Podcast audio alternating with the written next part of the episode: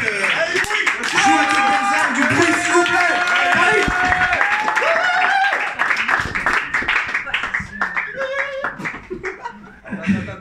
Quelle intro. Salut.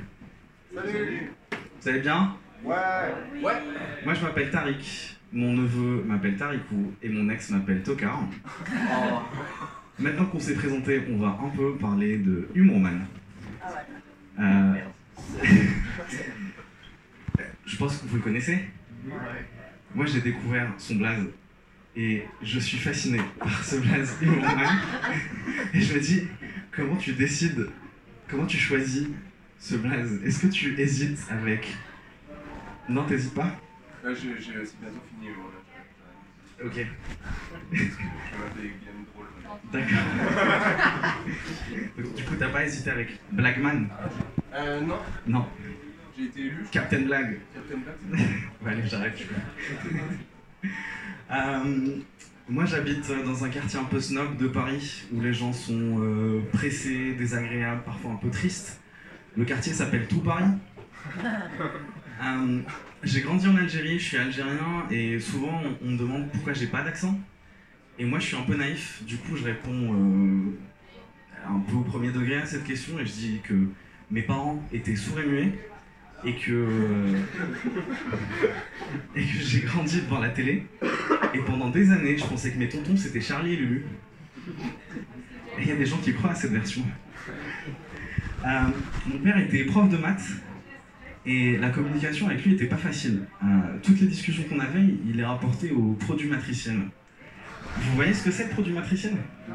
Moi non plus. C'est ça le problème. Euh, je pense qu'en en règle générale, euh, la communication pour moi, c'est enfin, c'est pas mon fort. On me demande de parler plus fort Donc, C'est le micro qui doit être plus fort. Alors, j'ai un petit conseil pour euh, ah, l'effet Larsen, c'est bon ça. Ouais, ça l'arsène un peu. Comme ça, on est bien ou pas C'est- Je crois, c'est très bien. Bravo. Ah, c'est super. J'adore ce son. Merci, Humourman, tu viens, you save the day. Du coup, on en était, on vient de couper une blague en deux. Alors, vous savez que quand on coupe une blague en deux, c'est deux fois plus de rire. Euh, du coup, on en était où? C'était la communication, communication. Voilà. Ah, en plus, c'est c'est le parfait, le moment parfait. Du coup, euh, ma- la communication, c'est pas mon fort. Et euh, je pense que j'ai un côté artiste incompris. Parce que la phrase que j'ai entendue le plus dans ma vie, c'est euh, euh, Je crois que j'ai pas compris cette blague. Euh, j'ai aussi euh, du mal avec les noms qu'on se donne dans les couples. Euh, ma copine me demandait de l'appeler mon amour, ma chérie. Et du coup, moi, depuis, je l'appelle mon ex. Elle m'appelle toujours Tokar. Et mon ex m'a écrit il y a pas longtemps sur Facebook en me faisant Tariq, j'ai rêvé de toi, il faut que je te raconte. Et c'est marrant parce que moi aussi j'avais rêvé. J'avais fait un rêve prémonitoire et je m'étais dit qu'elle allait me casser les couilles encore une fois. Euh, en ce moment, je sors avec une fille, euh, ça se passe très bien, enfin ça se passait très bien, jusqu'au moment où elle, m'a fait un compliment sur mon style vestimentaire. Vous, ça vous gêne pas? Moi, ça, moi, me paraît pas crédible, parce que le compliment c'était Ah, c'est cool, tes fringues sont à la bonne taille. Comment mon ego peut bien prendre ça? Euh, euh, Ouais, c'est ça. Avant de venir, j'ai fumé un joint. C'est pour ça. Mais vraiment, je voulais parler de ton blast. Euh, Avant de venir, j'ai fumé un joint et je ressens pas assez d'effet. En fait, c'est encore mes premiers joints, je crois que je sais pas fumer. Et donc, euh, soit génétiquement, je suis immunisé contre le cannabis, je ressens aucun effet, soit là, je suis à poil. Parce que- alors que je pense que dans votre regard, il y aurait beaucoup plus de dégoût. Euh, les moments où j'ai pas assez de rire, je sens, je me dis que vous pensez à François Hollande et vous pensez de moi que je suis peut-être un mec sympa, mais je suis pas fait pour ce boulot. Euh, malgré cette vie euh, de vice et de luxure, je suis tonton. Mon neveu s'appelle Zach et souvent quand je dis ça, bah, il y a des gens qui applaudissent, mais applaudissez pas. Vous l'aimez pas, je peux comprendre. Ma famille non plus l'aime pas, ce nouveau Zach. Euh, ma famille l'aime pas parce qu'il est métis. Euh, il a du sang de son père, enfin de mon frère, et de sa cousine. Je suis content que vous l'ayez compris parce qu'elle est pas facile. Enfin, pour Zach, Zach a pas compris. Euh, et moi non plus, je l'aime pas trop parce qu'il a ruiné ma soirée d'anniversaire alors qu'on lui avait dit de pas mettre ses doigts dans la prise. Euh, mais Zach a quand même de la chance. Enfin, moi, je suis un peu jaloux. Il fait une école, euh, c'est l'école Montessori. Vous savez ce que c'est l'école Montessori? Ouais? Cool. Tu veux expliquer ce que c'est? Moi, je veux pas. Moi, je veux vraiment pas. C'est ensemble en 3 minutes. Euh, bon, du coup, un des concepts de l'école Montessori, c'est que les enfants ont, ont pas de cours. Ils sont pas guidés, ceux qui décident de ce qu'ils font. Et Zach, dans cette école, il a décidé de dessiner dans son caca. Il a fait ça pendant un an. Euh, moi, je vis dans le 18e. Euh, J'aime beaucoup ce quartier et j'y vois souvent Omar Sy. Euh, et je trouve qu'il a une vie hyper simple. Je le vois dans le métro, il fait ses courses. Je le vois dans des magasins. Parfois, il, il vend des fringues. Il marche dans la rue. Parfois même, il est avec Lilian Thuram. Euh, en parlant de racisme, Laser Game. J'ai joué à une partie de Laser Game il n'y a pas longtemps. Enfin, vous n'allez pas comprendre cette transition. Euh, et j'ai eu du mal avec ce jeu. Pas parce que je perdais et que je me cassais la gueule à chaque fois, mais c'est parce que j'avais du mal avec le concept qui est de tirer contre des gens qui n'ont pas la même couleur que toi. Vous avez compris la transition Euh,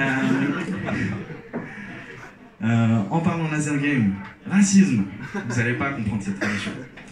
Euh, Est-ce que vous avez vu euh, ce qui se passe en Algérie en ce moment?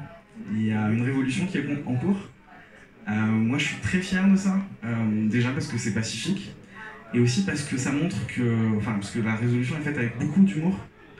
Euh, et, ça montre que les Algériens ont cette capacité à parler de choses très dures, et avec beaucoup de recul et beaucoup d'humour. C'est à penser que les juifs sont vraiment partout. Ah, je suis tellement content qu'il y ait une personne qui ait compris cette blague. Euh, moi, j'ai décidé de reprendre ma vie en main. Euh, ma résolution, c'est la méditation. C'est ma résolution. Enfin, moi, je suis un peu en retard sur cette résolution. Vous allez me dire, ouais, c'est que le début de l'année. Euh, C'était ma résolution 2016. Là, je fais mes. Je prends tous les mais Si les soupirs, je prends tout. Il faut. Il faut. Euh, m'a tout appris. Euh, et du coup, je fais mes premiers pas dans la méditation avec euh, des vidéos YouTube. Et euh, les vidéos YouTube commencent toutes par Namasté. Je m'appelle Florent Pagny. En fait, je retiens pas le nom des gens qui font ces vidéos-là. Du coup, j'imagine toujours que c'est Florent Pagny qui fait des vidéos de méditation. Et ça enchaîne toujours avec. euh, à tout moment, vous pouvez cliquer sur le bouton Abonne-toi et sur la cloche pour recevoir des notifications de nouvelles vidéos de relaxation dès leur publication. Qu'est-ce que c'est relaxant d'entendre ça? Dès qu'il y a une publication, je me relaxe. Ouais, ça m'a grave stressé, ça n'a pas marché. Euh, J'ai essayé les podcasts. Euh, les podcasts, c'est un peu mieux. Il n'y a pas d'image. euh, Enfin, vu qu'il n'y a pas d'image, du coup, j'imagine un peu ce que les gars font pendant l'enregistrement de ces podcasts de relaxation. Et je les imagine faire euh, sortez toutes les ondes négatives de votre esprit. J'ai boutonné euh, ma chemise. Euh,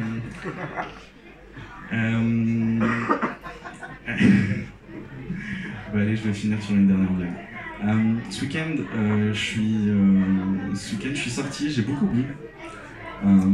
Et j'ai eu un réveil très difficile. Au réveil, j'avais l'impression de soulever trois mammouths. Non, six mammouths. Dix mammouths. Mais de combien de mammouths vous avez besoin pour rire à cette blague? Sur ce beau bide De quoi Il y a des bruits de sauvetage. Euh, Faites un maximum de bruit pour le prochain. Il est beaucoup plus drôle que moi, beaucoup plus grand que moi. Euh, il s'appelle Jean-Paul. Yes. Tu peux aller dire en bas de fermer leur gueule, hein. Tu peux aller dire aux gens en bas de fermer leur gueule.